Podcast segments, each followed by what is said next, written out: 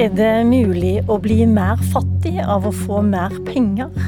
Ingen kommuner i landet har høyere andel lavinntektsfamilier enn Sarpsborg. Ordføreren der advarer mot høyere barnetrygd. Og så har Høyre fått nest, ny nestleder. Han starter den lange valgkampen med å fronte saker som han egentlig er imot. Ja, velkommen til Politisk kvarter. Mer enn én av ti barn vokser opp i fattigdom her i landet. De bor trangt, har ofte arbeidsledige foreldre og ofte ikke penger til ferier eller fritidsaktiviteter. Det er 115 000 barn vi snakker om i det som kalles vedvarende lavinntektsfamilier. Og den andelen er det høyeste som er målt siden SSB begynte å føre statistikk. Ordfører Sindre Evje Martinsen, i Sarp Martinsen Evje unnskyld, i Sarpsborg. I flere år har dere vært kommunen i landet med høyest andel barnefattigdom. Hvordan endte dere der?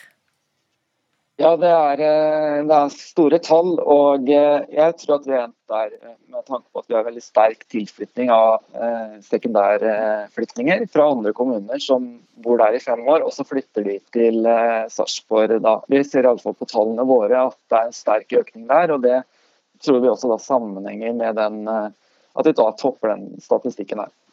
Så de kommer til Sarpsborg etter å ha bodd i på Vestlandet eller Nord-Norge, og etter fem år, når de ikke lenger må bo der de blir bosatt som flyktninger, så kommer de til Sarpsborg eller til Fredrikstad, som er nummer to på lista.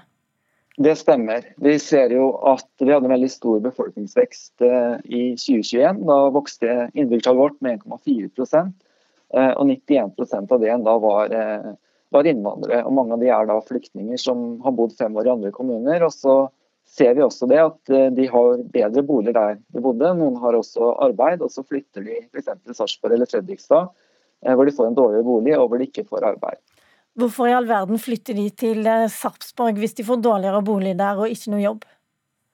Jeg tror at det er noen andre mekanismer som, som går på beliggenhet sentralt på Østlandet. At det er lavere boligpriser eh, utenfor Oslo. Og så er det E6-aksen Eh, som går fra Gardermoen og eh, ned mot Malmö. Og så har man sine nettverk også i Oslo og Göteborg. Jeg skulle veldig gjerne ønske at vi hadde en bedre linje på deg, men vi får bruke den vi har, eh, Martinsen Evje. Jeg bare lurer på, hva syns du er den viktigste hva er det viktigste tiltaket som kan få de som kommer til Sarpsborg og Fredrikstad da, ut av fattigdommen? Eh, vi må få de inn i kvalifiserende tiltak. At man kommer inn i et utdanningsløp eller at man får eh, yrkestrening. Eh, det er rett og slett sånn at Skal man komme seg over på en, og bli selvforsørgende, så må man få en kvalifikasjon, og, det da gir et arbeid. Og Næringslivet vårt de trenger arbeidskraft, men man trenger altså noen kvalifikasjoner i bånn for å få disse jobbene. Og Hva med barnetrygd, som både SV og Kristelig Folkeparti har tatt til orde for? Ja, så det vi ser nå, at Hvis man ikke inntektsregner barnetrygden, så, så, vil jo det få en kostnad for kommunene. I Sarpsborg så koster det alene 10 millioner mer i sosiale stønader som vi skal dekke. og Det må vi ta fra skole, og barnehager og andre eh, tjenester som vi ønsker å styrke. Og så ser vi også det at eh, hvis man får for høye sosiale stønader, så vil det ikke lønne seg å jobbe heller. Så du får ikke motivasjon rett og slett for å ta kompetansehevende tiltak for å komme ut i arbeid. Kirsti Bergstø, du er nestleder i SV. og Hvis det er én ting dere har snakka om de siste årene, så er det at for å bekjempe barnefattigdom, så må man øke barnetrygden. Nå hører du ordføreren i kommunen med aller mest fattigdom si at det må ikke skje. Jeg er enig i eh, ordføreren om at eh, arbeid er veien til eh, økt inntekt til foreldre, og derfor er det viktig å jobbe for nettopp det. Men eh, for de 115 000 ungene som vokser opp i vedvarende fattigdom, så har det noen veldig sterke konsekvenser. Vi vet at det betyr at man har sannsynlighet for å ramle utafor. Det virker inn på helse, det virker inn på, på fellesskap. Og det er helt ekte unger eh, som vi vet at eh, vil få en annen økonomisk situasjon i sin familie hvis man øker barnetrygda.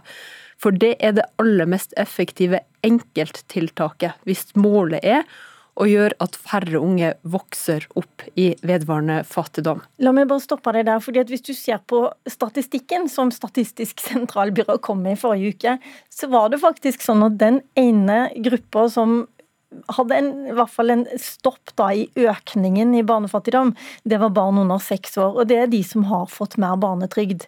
Men det hjelper vel ikke så mye om de kommer litt høyere opp på den statistikken hvis foreldrene fortsatt er uten jobb og fortsatt eh, bor i trange boliger, som kanskje da bare blir litt dyrere? Det som eh, er veldig fint med barnetrygda, er jo at den er universell. Den eh, er noe som alle får, eh, og den er ubyråkratisk. Og, men det var svar på noe nei, annet. Men, og det gjør jo at du har den uansett om foreldrene sin inntekt varierer. Om du går litt opp i stilling, så ramler ikke den ned. Om du skiller deg, så ramler den ikke vekk. Og Derfor så er det sikkerhet, en sikkerhet for unger, som skal gå til brød og til buksa uavhengig av foreldrene sin inntekt, og det gjør den så viktig. Og så er det jo ingen som får lettere vei til jobb eh, eller lettere vei til inkludering i et samfunn av å gå rundt og være konstant eh, fattig. Eh, og det å være fattig, det er jo både å mangle penger. Den eneste måten å få færre til å være fattig på, er jo å fordele bedre og sørge for at de som har minst, får mer. Men det å være fattig er også mangelen på overskudd, eh, på krefter, eh, og det å være konstant stress, eh, som er en veldig krevende situasjon å få endra noen ting som helst i sitt liv på. Tror ikke du på det, Martinsen Evje, at hvis man får litt mer penger, så får man også litt mer overskudd til å gå ut og jakte på den jobben som, som Kirsti Bergstø påstår her? Uh, nei, jeg tror faktisk ikke det. fordi vi ser nå at det er så mange familier som er på vedvarende. Altså. Det, det, er ikke kortvarig. Uh, de kommer ikke over i andre tiltak. Og uh, vi ser det også at vi må jobbe med helt andre virkemidler. Vi trenger eh, statlige tiltak. Nav trenger hva skal jeg si, Eh, kompetansehevende tiltak som man kan gi disse flyktningene og innvandrerne. Og vi vil jo så gjerne hjelpe de, og at barna deres skal da også få en, en skolegang som ender opp i en kompetanse, enten et vitnemål eller fagbrev, eller at man kommer inn på et høyere utdanningsløp. og Det vil vi også for foreldrene. for det Næringslivet vårt vi har arbeidsplasser, men man trenger en kvalifikasjon til å ta disse jobbene. Men, da tror jeg at Hvis man øker eh, de sosiale stønadene for mye, så vil man ikke ta disse tiltakene, så kommer man heller ikke ut i arbeid. Hvilke muligheter har dere til å hjelpe disse flyktningene som egentlig har vært i Norge i mer enn fem år, da, eh, til å komme ut i jobb? Nei, det vi ser nå at De vi bosetter primært først i Sarpsborg fra dag én, de får vi integreringstilskudd til. Der har vi gode resultater. Vi får Over 70% kommer over i andre tiltak, enten det er i jobb eller at det er eh, en, en kompetanseløp. Eh, der har vi gode resultater. Så ser vi at de som kommer har vært fem år i andre kommuner. Der har vi store utgifter nå. Vi har høye barnevernsutgifter. Eh, og det er det mye tyngre å integrere i Sarpsborg. Vi har ikke fått jobba forebyggende. Og det syns jeg også er veldig synd for ungene deres, for vi, vi ønsker også at uh, skal uh, lykkes. Bergstø. Det er ingen motsetning i å jobbe for at foreldre skal eh, få arbeid eh, og en trygg tilknytning til arbeidslivet, og samtidig sikre at unger kan gå i barnebursdag og få nye fotballsko når de gamle har blitt for små. Og Det er jo derfor det er så viktig å sørge for en barnetrygd som gjør at alle kan være inkludert, uavhengig av foreldrene sin varierende eh, inntekt og livssituasjon. Nå hører du Martinsen Evje at SV sier ja takk, begge deler. Hadde det ikke vært lurt av deg å si begge deler også? Ja, men Vi ser jo at vi får ikke begge deler fra staten. Vi ser at her kommer det ikke tilskudd eh, til de flyktningene som har bodd fem år i andre kommuner. De får ikke integreringstilskudd til. Vi ser også at eh, de andre kommunene er minsteinntektskommuner. Vi blir ikke skatteutjevna opp på snitt engang. Og så har vi flere ressurskrevende brukere. sånn at Penga følger ikke med her. Og så jobber jo også vi med masse tiltak for at barn uansett foreldres inntekt, skal være en del av fellesskapet. Vi har masse gratistilbud innenfor lag, foreninger, fritidsklubber og utstyrssentraler. og Det jobbes veldig godt for at barna skal være inkludert, men vi må se på foreldrene, at de kommer ut i arbeid. Ok, Det høres ut som om du skal snakke med en, for en kommunalminister, eller i hvert fall noe i din egen regjering, eh, Martinsen Evje. Eh, så eh, sier jeg takk for at dere var med i denne sendingen, både til deg, ordfører i Sarpsborg, og til deg, Kirsti Bergstø, nestleder i SV. Abonner på Politisk kvarter som podkast, og få sendingen rett til din mobil. I går avslutta Høyre sitt landsmøte. I dag starter Erna Solberg det hun kaller en blå måned. Nå begynner lokalvalgkampen. De neste ukene skal vi ut på stand, gå på Høyrevåg, verve medlemmer, spørre folk hva er de opptatt av. Ja, og Som nyvalgt nestleder skal du være med og lede an i den valgkampen. Henrik Asheim, gratulerer med ny jobb. Tusen takk. I regjering så gikk dere tilbake på en rekke vindkraftprosjekter. Det ble bomstopp, faktisk, fordi folk ikke ville ha dem der, eller eh, der de bor, eller der de går tur. De ville ikke se på dem heller. Så nå åpner dere for kjernekraft isteden. ja, det vi har sagt på landsmøtet, det er at vi skal utrede eh, om Norge også skal da eh, både ha egen kjernekraft, og hvilke forutsetninger vi i så fall har for det. Så Det er en av de diskusjonene som vi må ha fremover også. Er du enig med din partileder at det ville være en fallitterklæring om Norge endte opp med kjernekraft?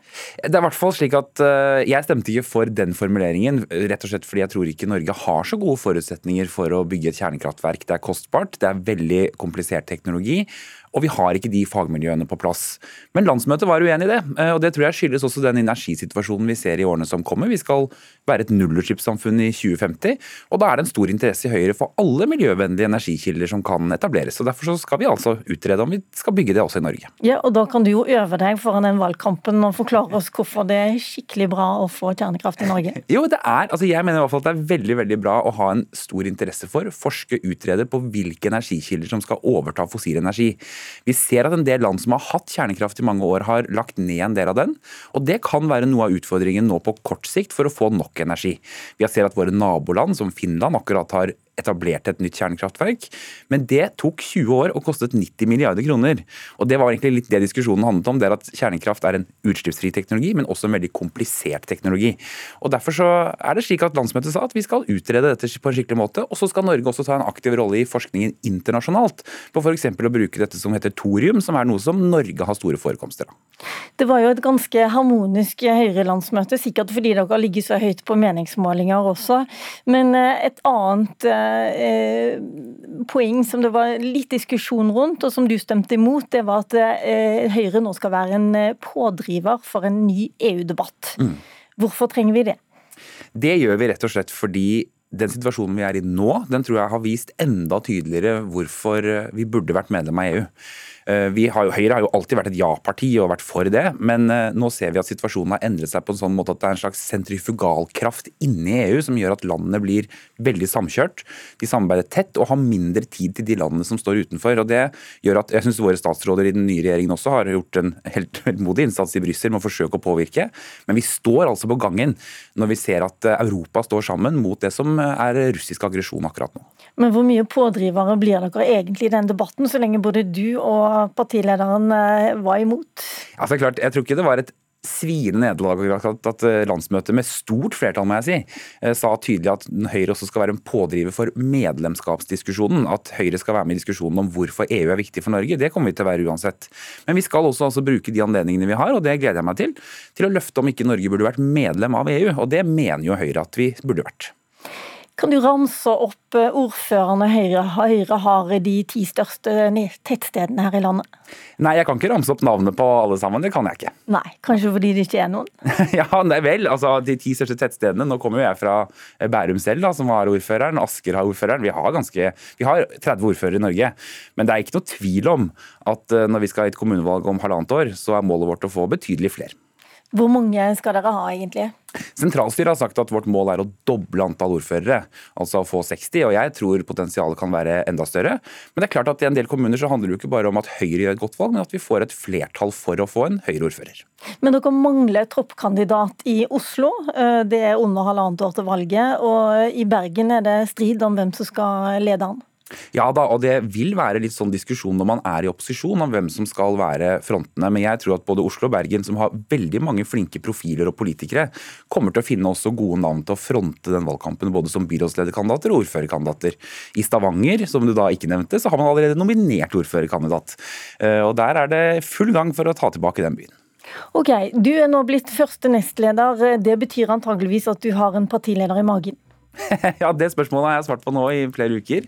Og det gjør faktisk ikke det. Altså Nå har vi valgt en partiledelse, eh, og jeg sammen med Tina Bru skal være nestledere. Erna Solberg er partileder, og det tror jeg kan bli veldig gøy. Da er det også sagt. Eh, takk skal du ha, Henrik Asheim, og velkommen tilbake i alle debattene som du skal lede som eh, nestleder. Mitt navn er Lila Sølhusvik. Takk for nå.